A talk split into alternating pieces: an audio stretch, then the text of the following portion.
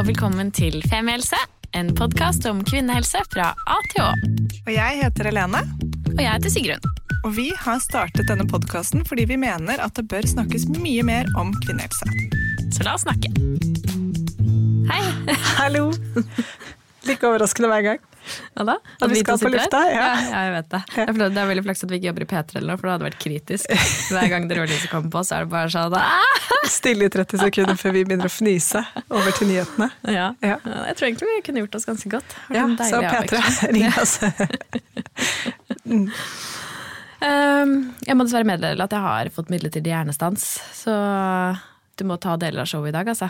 Ja. Ja. Hva er grunnen til hjernestansen? Det er jo at vi spiller inn på en tirsdag, og det er en vanskelig dag for meg. Ja. Ja. Hva er en god dag for deg? Alle andre dager. Mandag er en slags form for adrenalinsjokk. Onsdag er jeg på en måte over kneika. Ja. Torsdag nærmer det seg helg. Ja. Uh, ja, Fredag, lørdag, søndag er god flyt. Men altså, tirsdag er ekstremt vanskelig for meg. ja, men tirsdag er en tung dag. Ja, men jeg kjenner at det er noen som har lagt et lokk oppå hodet mitt, rundt Mm. øynene og over ørene. Så, Kan det være liksom eh, post-ammetåkesyndrom? ja, At du fortsatt på en måte er i ammetåka? vi kan godt skylde på det. Ja. Ja, Mm. absolutt. Og så har jeg eh, Jeg har jo ikke hatt mensen siden 20... 2018, 2013. kanskje. Ja. Ja. Du var russ, var du ikke? Jeg var russ, jeg Ja. syntes jeg hadde mensen. Men eh, jeg har jo denne hormonspiralen, men noen ganger så får jeg litt syklus. Ja. Det har jeg jo aldri. Jeg føler alltid når vi snakker om syklus, så snakker vi bare om deg. Så spør du hvordan det går med meg, så jeg er sånn Det går fint. ja. Jeg er flat. Det Flat og fin. Flat og fin. Flat og fin. Ja, helt vanlig. Ja. Men nå altså, denne uken så har jeg faktisk hatt skikkelig menssmerter, så jeg kanskje er inne i en eller annen uh, haze. Jeg ser for meg når du har syklus, at det er kroppen din som på en måte har en sånn kamp mot hormonspiralen. Ja. At det er sånn, Jeg ser for meg nesten at de sitter og bryter håndbak. ja, faktisk. Det kjennes sånn ut. Hele magen blir helt hard, og så er det bare sånn Og så til slutt sier kroppen din sånn Nå skal vi ha en Ja. utløsning, og vi skal ha en syklus. Jeg skjønner at det ikke blir liksom noe barn i dette, men det skal vi gjennom én gang. Og så er hormonspiralen sånn Ok, you will have this one, this one time this year, but not again, ok? Ja, det er kanskje sånn en gang i året. Ja, nei, så Sånn har jeg det i dag, da. Mm. Men da er du forberedt. Jeg er forberedt. Jeg er i et strålende humør. Så bra. Det er ikke ofte. Eh, nei, det er ikke ofte. Og strålende humør og bare et par dager før mensen. Så bra. Ja. Så det er jo Det er så synd Helene, at vi ikke alle kan gi bare alle der ute tilgang til din Flow-app. Siden, eh, Sånn at de kunne fulgt med, tenker jeg jeg. kan jo ta et lite screenshot hver morgen. Jeg. Ja, gjør det. Ja. Det ville sikkert folk satt Men hørte du ikke hvor eh, ekstraordinært det er? Jeg har egentlig skikkelig PMS. Og så er du i godt humør? Ja. Oh, ja. Jeg hører ikke etter som vanlig. Nei, Nei, det er jo dette er jo kjempebra. Ja. Noe har skjedd. Jeg tror noe har skjedd. Eller så er jeg bare sjukt lang syklus, og så har jeg egentlig ikke løsning. Fordi det kan jo også skje. Ja. Nei, så eh, vi takker for eh, innspill på eh, folk som jogger i ikke-treningstights og hawaiianas. Ja. Er Fantastisk. Eh, eh, vi må fortelle. Dette er jo en føljetong for dere som har hørt på Femihelse lenge. Mm. Eh, jeg har oppdaget et samfunnsfenomen. Folk trener, primært menn, i jeans eh, og jobbveske og sneakers. Mm. Eh, spurter eh, gjerne i byen. Det er utrolig spesielt. Mm. Og så får vi nå opp, eh, vi får ganske mange oppdateringer på dette, det er veldig gøy, men nå også melding om en som har sett. En som trente i, I Nordmarka. Ja. I jeans! Det er helt fantastisk. Jeg ble så lykkelig når jeg fikk den meldingen. Og eh, ikke minst fikk vi melding av en forsker som også da på en måte forsker på dette med mikrotrening. Ja! Som vi skal kontakte. ja. Eh, For som jeg sa da vi begynte å diskutere fenomenet, jeg er sikker på at det forskes mer på mikrotrening på menn enn på endometriose.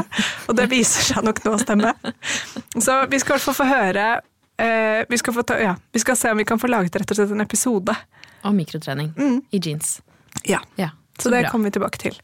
Men um, i dag så skal vi faktisk uh, snakke om uh, et helt annet tema enn mikrotrening. Ja. Mm. Vi skal snakke om eh, Sjekk deg-kampanjen til Kreftforeningen. Ja. Ja. ja.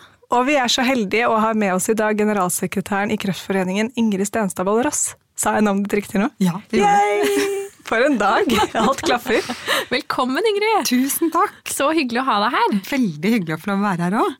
Kan ikke du begynne med å fortelle oss uh, litt om deg selv? Uh, hvem er du, uh, og hvordan havnet du i, som generalsekretær for Kreftforeningen? Jo, Jeg eh, er Ingrid. Jeg er tobarnsmor. Jeg føler jeg er mikrotrener ved å løpe til bussen hver dag i høye hæler, faktisk. Kjenner meg igjen. Eh, Veldig sånn lite tid i eh, morgenrushet, så det er mulig jeg skal være med i den mikrotreningsstudien.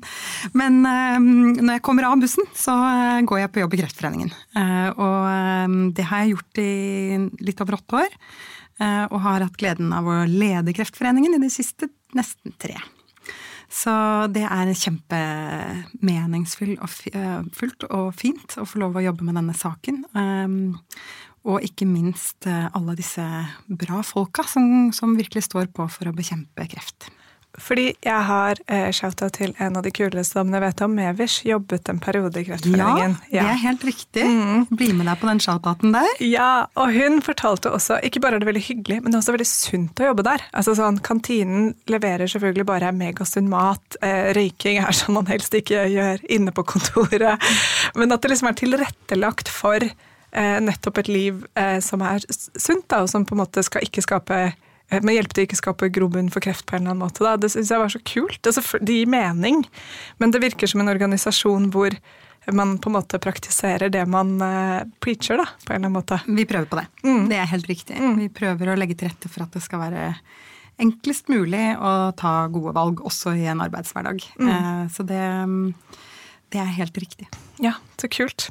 Vi har jo faktisk laget på en måte en episode med eh, Kreftforeningen før, hvor vi var i samarbeid med Aktis, hadde en livepod om kreft og alkohol, som har vært en stor øyeåpner for oss to med Sara fra Kreftforeningen. Ja. Og, så hvis du hører på nå og tenker sånn hm, kreft og alkohol, har jeg ikke tenkt på før.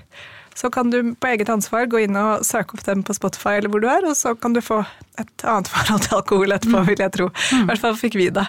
Eh, Så superinteressant. Og, og Kreftforeningen er jo det er jo en, hvert fall for meg en organisasjon med veldig sånn positive konnotasjoner til arbeidet dere gjør, men det er også mye forskning og, og, og, og selvfølgelig liksom veldig mye sånne eh, kampanjer for oppmerksomhet og for eh, altså, Nå står det stille ordet jeg leter etter, men informasjonskampanjer, da. Mm, Det er kjempeviktig for oss. Vi, vi finansierer kreftforskning, eh, og Ja. det gjør vi jo takket være gaver fra det norske folk. Mm. Et sted eh, mellom 250 og 300 millioner kroner blir det til kreftforskning hvert år. Og det, så det er jo et kjempestort beløp, og jeg har jo privilegiet av å treffe forskere som hele tiden finner nye sånne puslespillsbrikker som vi trenger. Både for å forstå sammenhengene, som du sa, ikke sant? sammenhengen mellom alkohol og kreft f.eks., men også selvfølgelig for å finne morgendagens behandlingsformer.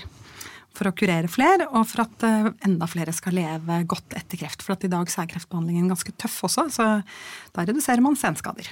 Ja, for det er jo også Vi har hatt episode om det også, om eh, eh, på en måte oppfølging av eh, seksualitet, eh, eller sex, eh, sexliv, da, og seksuell funksjon etter kreft i underlivet.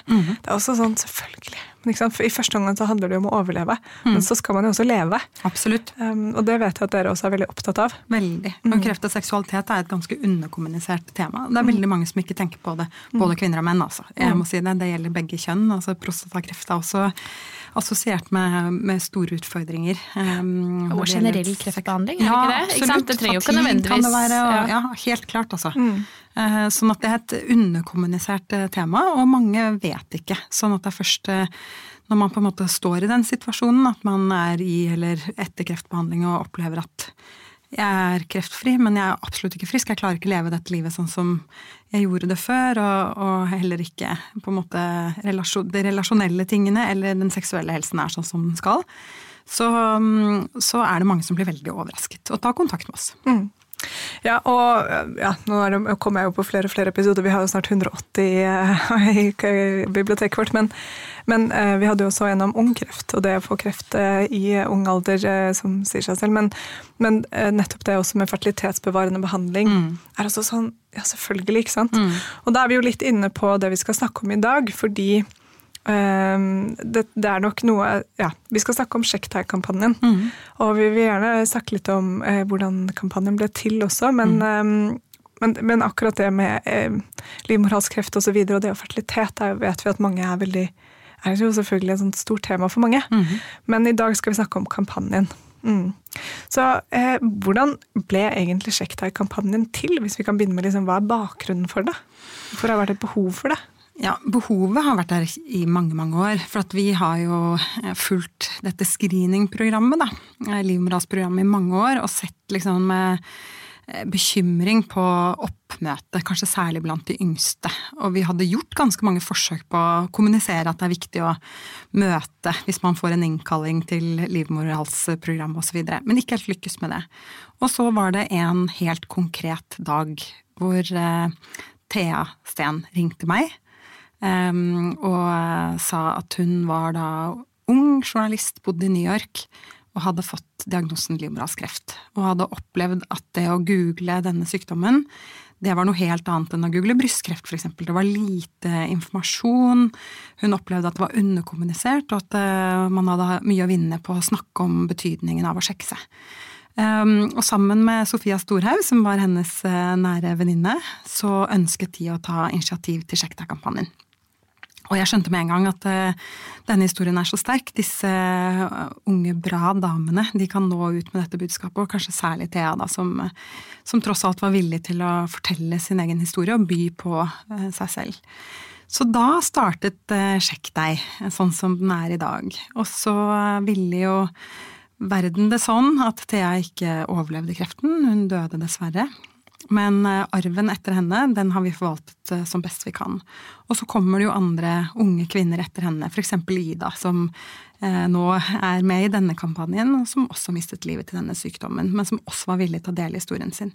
Og disse unge, fine damene og deres familier gir oss andre en så utrolig viktig påminnelse om hvorfor man skal gjøre den oppgaven og gå til legen og ta denne prøven. Fordi alternativet er jo forferdelig. Mm. Og nå øh, blir jeg litt sånn øh, teknisk her med en gang, men øh, å gå til legen og gjøre denne oppgaven mm. vi nevnte nevnt screeningprogrammet, mm. men, men, hva er screeningprogrammet? Hva er det vi skal gjøre? Ja, altså Screeningprogrammet det har jeg bare lyst til å si innledningsvis, det er jo egentlig massetesting av friske mennesker. ikke sant? Så for Først så er det veldig viktig for meg å skille mellom hvis det er noen som hører på som opplever at de har symptomer. Da. Dere snakket litt om det, og det er utrolig fint å være helt åpen om det. Hvis man har unormalt mye uflod, hvis man har mer smerter enn vanlig, hvis man blør etter sex, sånne type ting, så skal man gå til legen. Da skal man ikke tenke at man skal vente på en innkalling til dette screeningprogrammet. For screening det er faktisk undersøkelse av friske mennesker. Eh, og det er for å finne tidlig fase celleforandringer, f.eks., eh, som kan bli kreft. Så eh, først, bare si det. Har man symptomer, er man bekymret, så skal man gå til legen uansett. Men for alle oss andre som ikke har det, så får man jo en eh, invitasjon til dette screeningprogrammet når man er 25 år. Um, og da må man ringe legen, eh, bestille en time, uh, gå til legen og ta rett og slett en gynekologisk undersøkelse hvor man tar en kost opp i skjeden og tar ut celler som analyseres, og så ser man om man har celleforandringer. Eh, så har det også kommet HPV-tester som kan teste for HPV-viruset, fordi livmorhalskreft kommer jo av humant papillomavirus, som, eh, som, de fleste av oss har, eh, men som kan forårsake disse celleforandringene. Men det spiller ikke så stor rolle egentlig hvilken gynekologisk undersøkelse man tar. Poenget er at man tar en sånn undersøkelse, og da har man gjort det man skal, for da får man et svar tilbake på om ting er bra eller ikke. Og hvis det ikke er bra, så må man enten holde det med Eh, oppsikt, holdt jeg på å si, og liksom følge med jevnt, eller ta en konisering hvor man skjærer vekk en del av livmorhalstappen. Mm. Så hvis man får da svaret ja, du har HPV, som jo én av ti har, cirka, mm. Mm. så skal du følge kanskje litt ekstra med. Men hvis du får beskjed om at du har celleforandringer, så er det jo en annen prosess. Da skal du komme tilbake om et år for å se om det har utviklet seg videre eller har gått tilbake. Ja, det er grader av celleforandringer, og det, kroppen kan slå det ned. Sånn at eh, i veldig mange tilfeller så vil man bare se det an. Men har man alvorlige celleforandringer, så må man eh, gjennomføre en konisering. Um, og man beregner faktisk at uh, livmorhalsprogrammet i dag uh, på en måte uh, gjør at man unngår 700 krefttilfeller i året. Gjennom uh, kondiseringer og, og celleprøver. Mm, wow. Det er jo fantastisk. Så det er faktisk en sånn Det er ikke ofte vi kan si at vi liksom kan unngå kreft. Men det kan man når det gjelder livmorhalskreft. Og det er derfor det er så viktig å minne alle damer i alderen 25 til 69 på at når de får denne innkallingen, så må de ringe legen og bestille time. Ikke sant, For kondenseringen stopper på en måte at kreften går videre oppover og inn, liksom. Ja, ja. det er helt mm. riktig. Vet dere noe om hvor mange av de som får innkallingen, som eh, gjennomfører undersøkelsen? Ja, eh, i 2021 så var det totalt eh, 428 006, jeg har jukselapp, eh, kvinner som tok livmorhalsprøve. Ja. Eh, og av de 428 000 så var det ca. 15 som hadde såkalte lavgradige celleforandringer, som eh, vi snakket om i sted. Det betyr jo egentlig at de bare må ta en ny prøve om et år eller to. Man følger med. Um, og så var det 8329 som hadde mer alvorlige celleforandringer. Eh, og så var det da 340 stykker som fikk konstatert kreft. Og så er det ca. 70 som dør. Men av alle disse som tar den innledende prøven, er det mange nok? Altså Vet du noe om prosentandelen av de som får en Ja. innkalling som gjør det? Ja, det vet jeg òg. Eh, sånn jevnt over så er det ca. 70% deltakelse og 30 som ikke møter. Så kan man tenke sånn, ok, men hvor mange er det? Det er 400 000 kvinner som ikke går.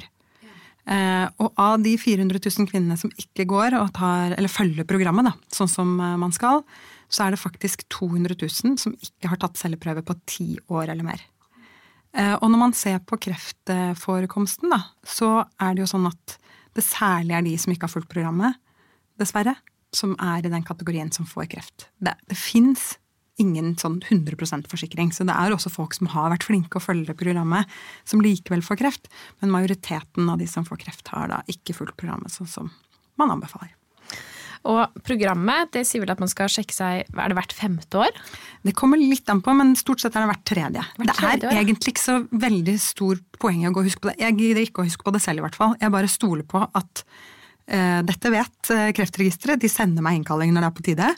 Så eh, jeg gidder ikke telle. Men noe, for noen er det tre, for andre er det fem. Det kommer litt an på testen, hopp V-test eller eh, livmorhalsprøve. Poenget er eh, du får beskjed. Ja. Og du får, men du får, du får beskjed om jeg kan aldri om huske å ha fått beskjed. Jo, altså jeg, ja, men Sigrun, du er 22. Det begynner når man er 25. Nei, men Det er nesten ikke tull engang, for Nei, du er 29, så du har fått det én Ja, jeg har fått det en gang. Nettopp. Ja, ok, greit. Så det, er, jeg har ikke falt ut av systemet. Det var mer det jeg lurte på har om du kunne det. sjekke det. da. Tolv ganger har jeg fått det. Du nærmer deg 69. Ja. Så det er, det er ute av programmet igjen. Ja. Men ehm, jo, det skulle jeg si, du får jo en, en påminnelse om at du skal booke. For du får vel ikke klokken 13 så skal du på Lovisenberg gynekologisk avdeling? Nei, det er helt riktig. Ja. Og det er det mange som spør oss om. Hvorfor får jeg ikke bare en time? Mm. Men uh, erfaringen er at damer møter ikke. Så det er veldig sløsing av? Ja, at det er altfor mange som ikke møter hvis de får en time. Så da er det nesten bedre at de bestiller en time selv. Mm. Eh, For ellers så sløser man sånn med ressursene på en måte. Men dette mm, er jo en av de tingene som vi diskuterer litt i Kreftforeningen også, fordi vi er jo opptatt av å øke deltakelsen. Så alle mulige sånne barrierer og hindre adresserer jo på en måte vi, så vi har også lurt på liksom, kanskje man skulle hatt timebooking eh, på en annen måte, men enn så lenge så er det sånn at du bestiller time selv. da. Ja, og du kan jo da også gjøre det hos fastlegen din. Absolutt. Ja. De fleste gjør det hos fastlegen sin. Eh, og alle fastleger er trent til å gjøre gynekologiske undersøkelser. Eh, og de aller fleste kvinner eh, tar livmorhalsprøven sin der. Det er ikke sikkert du vet dette, men jeg vet det fordi hvis du Eller jeg vet ikke det, men jeg lurer på Ok, jeg kommer til poenget. Hvis man går til fastlegen sin, du har en time som koster 375 kroner, men så har du et eller annet unormal utflod eller noe sånt, som hun tar også en klamydia-test av deg. Da er den timen gratis. Fordi det er sånn, man testet for en eh, Det skal ikke koste noe å teste for eh, smittsomme sykdommer. Eller, eh, ja. Eh, Så du har en seksuelt doctor over- hack her? jeg har en doktorhack. Da lurer jeg litt på om det er sånn med celleprøve også, eller om du da betaler uansett. Jeg er ikke sikker, men i så fall så har jeg da en oppfordring til alle dere som er usikre. Da kan du i hvert fall doktorhacke deg til en gratis leketime. Så da kan du sjekke litt sånn den kinken i ryggen og ta celleprøve. Ja, Og litt klamydia. Da er, Ja. du, da er du sikker. Men da er du Ja, ja. Ja, Men, faktisk. Men vet du noe om, er det en større barriere, eller er det noe som um, eh, forandrer seg med tanke på alder? For eksempel, eller jeg kan se for meg at mange unge kanskje vegrer seg for å ta den første testen. Stemmer det? Eh, ja, eller vi vet litt om hvorfor eh, folk ikke går. Ja. Eh, det er det undersøkt eh, både i Norge og internasjonalt. Og det er på en måte det aller vanligste. Det er, kan man jo tenke seg til. Det er rett og slett at man får innkalling, og så glemmer man det. Det er det aller vanskeligste. altså, Samme som å få innkalling til en tannlegetime. Du tenker sånn, åh, kjedelig, venter med den, og så glemmer man det. Og så er det en del som ikke går fordi de er redde for at det skal gjøre vondt. Uh, og da er det bare veldig viktig å si at det er ikke vondt. Det gjør ikke litt- vondt. Det gjør ikke vondt. Det er noen som kanskje syns det er litt ubehagelig, men det er ikke smertefullt, liksom. Det, det er ikke den undersøkelsen. Så er det en del som tenker at eh, det er en så liten ting at jeg kan ikke liksom bry legen eller gjøre et legebesøk på en måte bare for det. Eh, og da er det også viktig å si at det er ikke noe liten ting. Eh, det er faktisk en, nesten en sånn livsforsikringsting som man skal gjøre for å redusere sin egen risiko for å få kreft. Og så er det en liten gruppe som har mye helseplager, og som tenker at eh, dette kan vente. Eh, og så er det en gruppe damer som rett og slett har angst. Og det skal man ta veldig på alvor, fordi sånn som jeg trenger bare en påminnelse, et ekstra dytt, men andre kan ha traumatiske opplevelser. De kan ha vært utsatt for overgrep eller kjenne på en sånn traumefølelse ved å skulle gå til eh, en gynekologisk undersøkelse. Og da er det kjempeviktig å bidra til at de får trygge rammer rundt denne undersøkelsen. Og um, vi har laget faktisk i år et sånt uh, lite postkort, det høres litt sånn banalt ut, men det, skal, det er en sånn samtalestarter da, som ligger på alle fastlegekontorene nå. Uh, hvor man rett og slett uh, kan liksom huke av. For det er mange som syns det er vanskelig å snakke om dette. Dere er jo kjempeåpne, snakker om alt. Men man kan huke av. ikke sant, Jeg har aldri tatt denne prøven før og lurer på hvordan det foregår. Kan du forklare um, mer om testen? Eller jeg vil gjerne at vi snakker sammen i dag, men at jeg får time neste gang, sånn at jeg rekker å tenke meg om. Eller at jeg har med meg tøffe erfaringer som gjør at eh, jeg ønsker at du skal ta ekstra hensyn. Sånne ting tror vi det er viktig å snakke om, da, hvis, mm. man, eh, hvis man har med seg en historie som gjør at man syns denne undersøkelsen er tøff. Og så er den uh, siste, for Jeg snakket jo litt med Birgitte da vi avtalte dette intervjuet med deg, og hun sa også det at man er redd for resultatet. Ja, noen er også redd for resultatet. Og, og mange frykter kreft. Ikke selvfølgelig. Og, og, det, og det, jeg husker så godt da jeg var ute på backpacking um, da jeg var 20.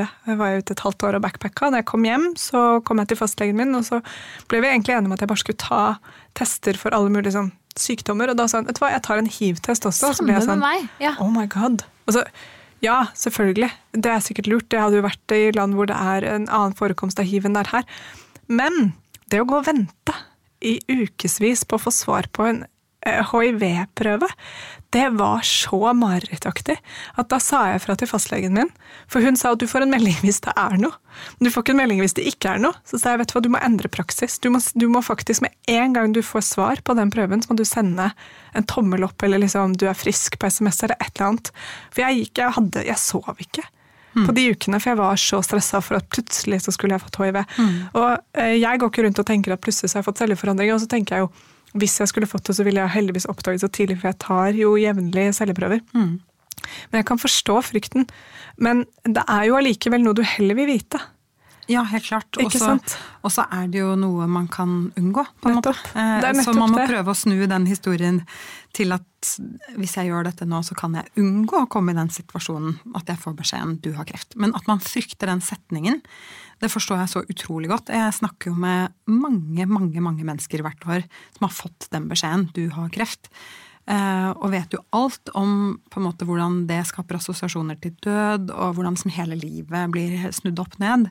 Så jeg kan så godt forstå at man er redd for det. Um, men når man eh, skal bestille denne timen, så er det jo for å unngå å komme i den situasjonen. Så man må mm. prøve å skru på det rasjonelle litt og tenke at dette er en slags forsikring da, mot å komme dit. Da må jeg gjøre dette skru på det rasjonelle, og også liksom bare tenke at ok, det er jo ikke rart å være redd. Eller sånn at, liksom, at det er ubehagelig. Dette er ikke supergøy, men det er viktig. Det er kjempeviktig, og så går det an å snakke med legen om det også. Ja. Legen har hørt dette mange ganger før. Det er mange som frykter sykdom. Eh, og det er, det er, på en måte litt sånn to veier inn i det å frykte sykdom. Det ene er å være litt sånn hypokonder og gå over ofte. Og det andre er å unngå alt som har med hvite frakker og helsevesenet å gjøre. Og jeg tror legen kjenner godt til begge sortene. Eh, og det er like greit å bare være åpen om det, tror jeg. Og en ting eh, som vi snakket med en som jobbet på Olafia-klinikken, som fortalte at yngre jenter de har ofte med seg noen. At man går litt sånn to og tre sammen til gynekologen når man skal få prevensjonsmiddel eller ta en uh, kjønnssykdomtest eller hva det er. Mm. Det er også lov til å ha med seg noen mm. til fastlegen hvis man trenger bare ha litt support. Mm. Om enn bare at den personen venter ut på, på venterommet. Man trenger ikke å gå alene.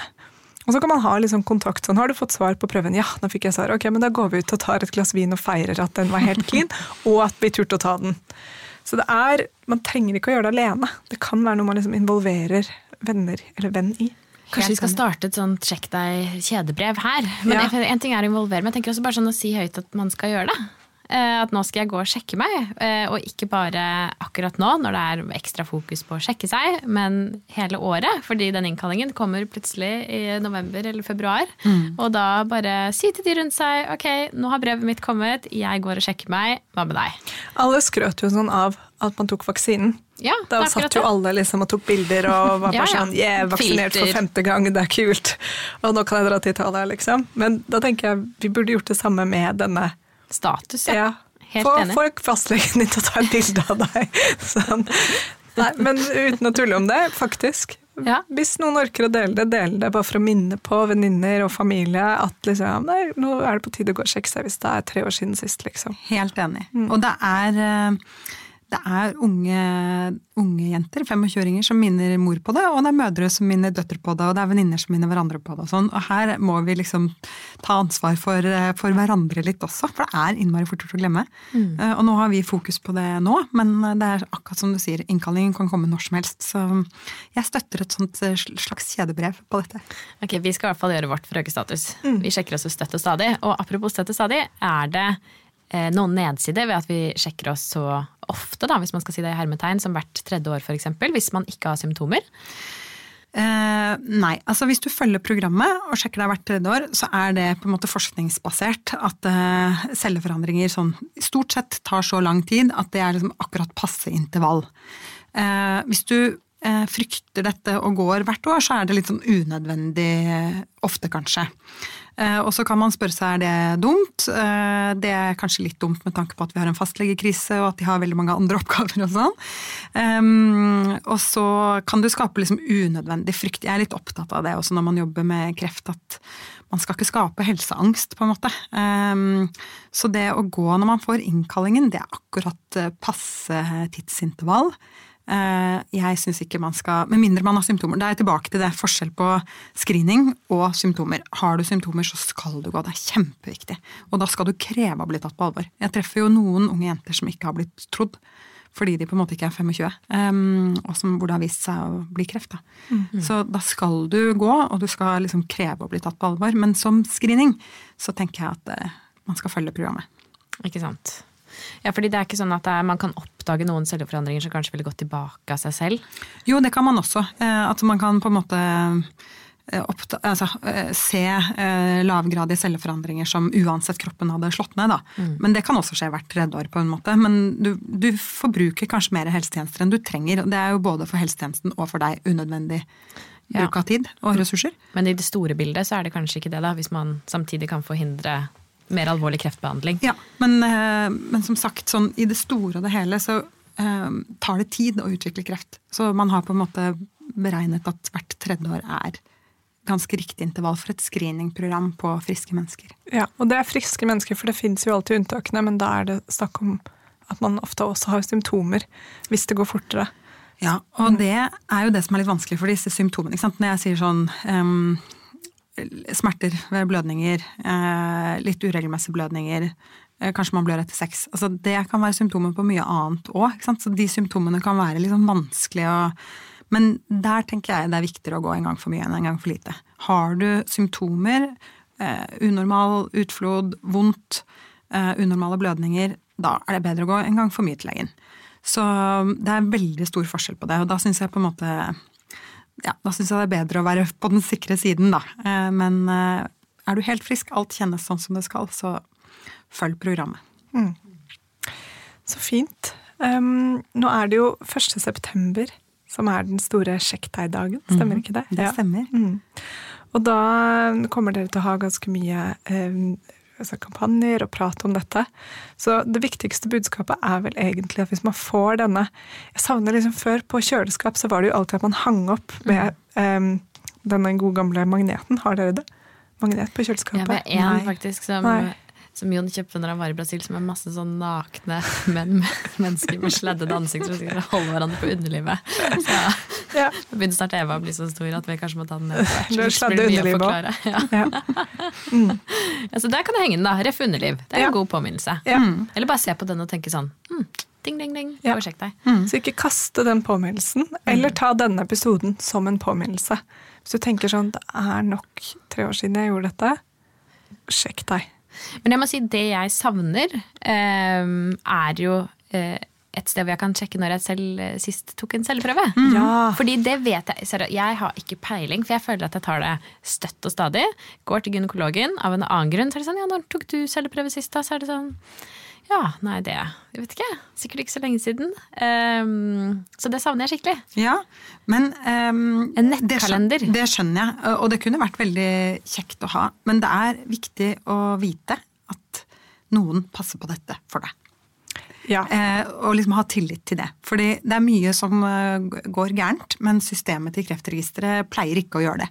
Så? Og noen ganger så er det også sånn at fastle, for fastlegen din ser det. Når tok du sist selvprøve? Ikke hvis man ikke gjorde det hos fastlegen. Ikke hvis man ikke gjorde det hos fastlegen. Nei. Men hvis du går til fastlegen, så kan hende det at fastlegen sier nå er du her uansett, skal vi ta en undersøkelse? Ja, det gjør vi. Og så tar man selvprøve, og så man, husker man jo ikke det. Men um, Kreftregisteret husker på det. De får jo innsendt prøvene og har full oversikt over hvem som deltar og ikke deltar. Og fastlegen din okay, kan minne deg på det. Så Kreftregisteret har oversikt. Ja, de har full Å, ja. oversikt. Så de får liksom Disse tallene, når jeg sier 428 006 kvinner, så er det akkurat og seks kvinner. Det er fordi de har full oversikt. Ok, Men da skjønner jeg at jeg ikke har fått innkalling, for da vet de at det er mindre. Du har vært hos De Droppin tolv ganger det siste året. Det. De vet at det er mindre enn tre år siden sist. Ja. Et vel utforsket underliv. Du har tatt det på sånn videosamtale med Kry, har du ikke det? Jo. Mm. Det er ikke noe problem. Nei, men greit. Det var godt. Dette visste ikke vi, så da vet vi det. Egentlig ikke gjør det før man får dette eh, brevet i posten.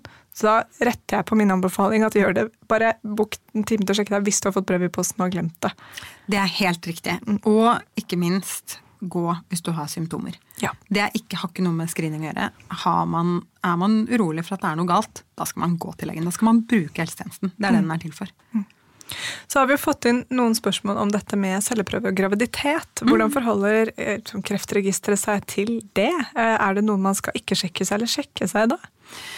Å, det var et godt spørsmål. Jeg eh, tror at man primært eh, tar celleprøve etter graviditeten. Men her er jeg faktisk ikke helt sikker. Men jeg vil tenke at det var en sånn typisk eh, eh, ting man gjorde på kontrollen. Ja. Um, så, eh, og det er ikke liksom sånn eh, Det er ikke kritisk hvis du er gravid og venter i tre måneder over den treårsfristen. Så går det også fint. Så jeg ville tippe at de primært gjør det på, på kontroll etter eh, svangerskapet. Og så anbefaler de, i hvert fall etter min erfaring, at man også venter litt etter det, for du kan fort få litt celleforandringer Ja, etter å ha vært gjennom graviditet og fødsel. Men, Mm. men ja. Kanskje tremånederskontrollen der. Jeg vet ikke. Noe Ja. sånt. Vil Ja. Eh, Men jeg har, her har jeg ikke full oversikt. Det er også noen som spør om det er flere kvinner som må ta keisersnitt etter kolonisering enn andre kvinner. Vet du det? Ehm, nei, jeg vet ikke om det er flere som tar keisersnitt. Men jeg vet at det eh, er en viss risiko for at du kan eh, få litt mer trøblete svangerskap. Eh, Så det er nok flere som f.eks. må ha ryggleie. Fordi livmorhalsen på en måte er litt kortere enn det den skal være etter kondisering. Så da, da kan man få litt mer trøbbel og heft med svangerskapene sine. Men jeg har aldri hørt om at det er en sammenheng mellom kondisering og keisersnitt. Og vi har faktisk laget episode om det, Så fint. så da Ja. kan man høre på den. Det Ja, Om kondisering. ja. Ja. Ja, ja, ja. ja. Så der tipper jeg vi svarer på det. Eller ja, en ekspert på kondisering svarer Men dette er også et eh, siste spørsmål der. Eh, Hvorfor skal man sjekke seg hvert tredje år i Norge og hvert år i resten av Europa? Er det hvert år? Mm, jeg tror ikke nødvendigvis det er hvert år i resten av Europa heller. Men Nei. jeg skjønner spørsmålet. Ja. Um, og det er alltid litt sånn uh, litt forskjeller mellom land når det gjelder screeningprogrammer. Uh, og det handler jo om uh, på en måte vurderingene av uh, hvor mye ting skal koste mot hva man vinner. For eksempel så er det hvis man hadde startet å gå til livmorhalsprøver i screeningsammenheng når man var 20 istedenfor 25, så hadde vi eh, kanskje fanget opp syv flere krefttilfeller. Og da Ja. vurderer man at det er ikke verdt kostnaden på en måte, ved å kalle inn alle. For det er så få som får eh, livmorhalskreft under 25 år. Men det skjer jo. Eh, men man skal ikke ha et screeningprogram til det, har vi vurdert. Mens andre land kan vurdere at det er det verdt. ikke sant? Så det er litt sånne mm, kost-nytte-vurderinger som ligger bak liksom, hvor ofte man kalles inn og sånn. Og til det er det bare å si at vi eh, Ingenting er 100% her i verden. Sånn at det, igjen, hvis man får symptomer, så skal man gå til legen. Men det er lite å vinne på å gå eh, så mye oftere enn hvert tredje år. For Sigrun, fikk du HPV-vaksinen Ja. da du var tolv? ja. Ja. Nei, For det gjorde du. Nei, jeg tok den før jeg ble Det var sånn senting. Ja, du hadde sånn opphentingsvaksine? Opphentingsvaksine. Ja. Mm. Før jeg var, ble 20, kanskje. Ja, Ja. Mm. Så jeg fikk den litt dårligere varianten før jeg ble 20. Gratis. Ja, for jeg er, jo, jeg er jo helt ute av det eh, systemet der. Har jo tenkt at jeg burde gå og ta den nå. Um, men det er en annen sak. Vi har også laget en episode med dr. Nils om HPV-vaksinen. Men tror du man kommer til å endre på screeningprogrammet nå som så mange blir vaksinert, eller har ikke det noe å si? Og det er et kjempegodt spørsmål. Det, um, de som får velkomstbrevet, velkommen inn i livområdsprogrammet, de som er 25, de er den første generasjonen som ble vaksinert. Og i det kullet så var det 70% som takket ja. Eh, Så det er ganske mange i det kullet som ikke takket ja, og som heller ikke har tatt vaksinen etterpå. Ja. Så enn så lenge så diskuteres ikke dette. Men jeg tror jo vi kom, For i dag så er det over 90% som takker ja. Ja. Så jeg tror jo vi kommer dit en gang i fremtiden at eh, kanskje dette screeningprogrammet blir seende helt annerledes ut, eller kanskje ikke fins fordi de er vaksinert. Men det som er så fantastisk, det er at det kullet med 25-åringer og alle som kommer etter, de er den første generasjonen hvor vi kan eliminere denne kreftformen. Hvis du har tatt vaksine, og du også sjekker det, da er det altså så liten sannsynlighet for at du skal få kreft. Og det tenker jeg er liksom først og fremst verdens beste nyhet. Vi kan eliminere livmorhalskreft. Ja, det er fantastisk. Er ikke det et fint sted å avslutte? Jo, jeg syns det. Ja. Og så har jeg lyst til å bare sende en sånn varm tanke til Thea og Ida og hele familien deres, og mm, takke for liksom Og alle si- andre som står frem og deler sine historier. Det Absolutt. gjør en enorm forskjell. Jeg er helt enig. Jeg, jeg, det er eh, en stor, stor takk som vi alle skylder de som har eh, valgt å dele. Eh, og det er takket være dem at, at vi ser, for vi ser det faktisk, at flere sjekker seg nå enn før. Og takk til dere eh, og jobben dere gjør i Kreftforeningen, og for at du kom hit i dag, Ingrid. Det var veldig, veldig fint. Tusen takk for meg. Det var veldig hyggelig å bli invitert. Håper jeg blir invitert tilbake. Ja, ja. Veldig gjerne. Vi snakkes neste uke, dere. Det gjør vi. Ha, Ha det. det. Tusen takk for at du hørte på podkasten vår.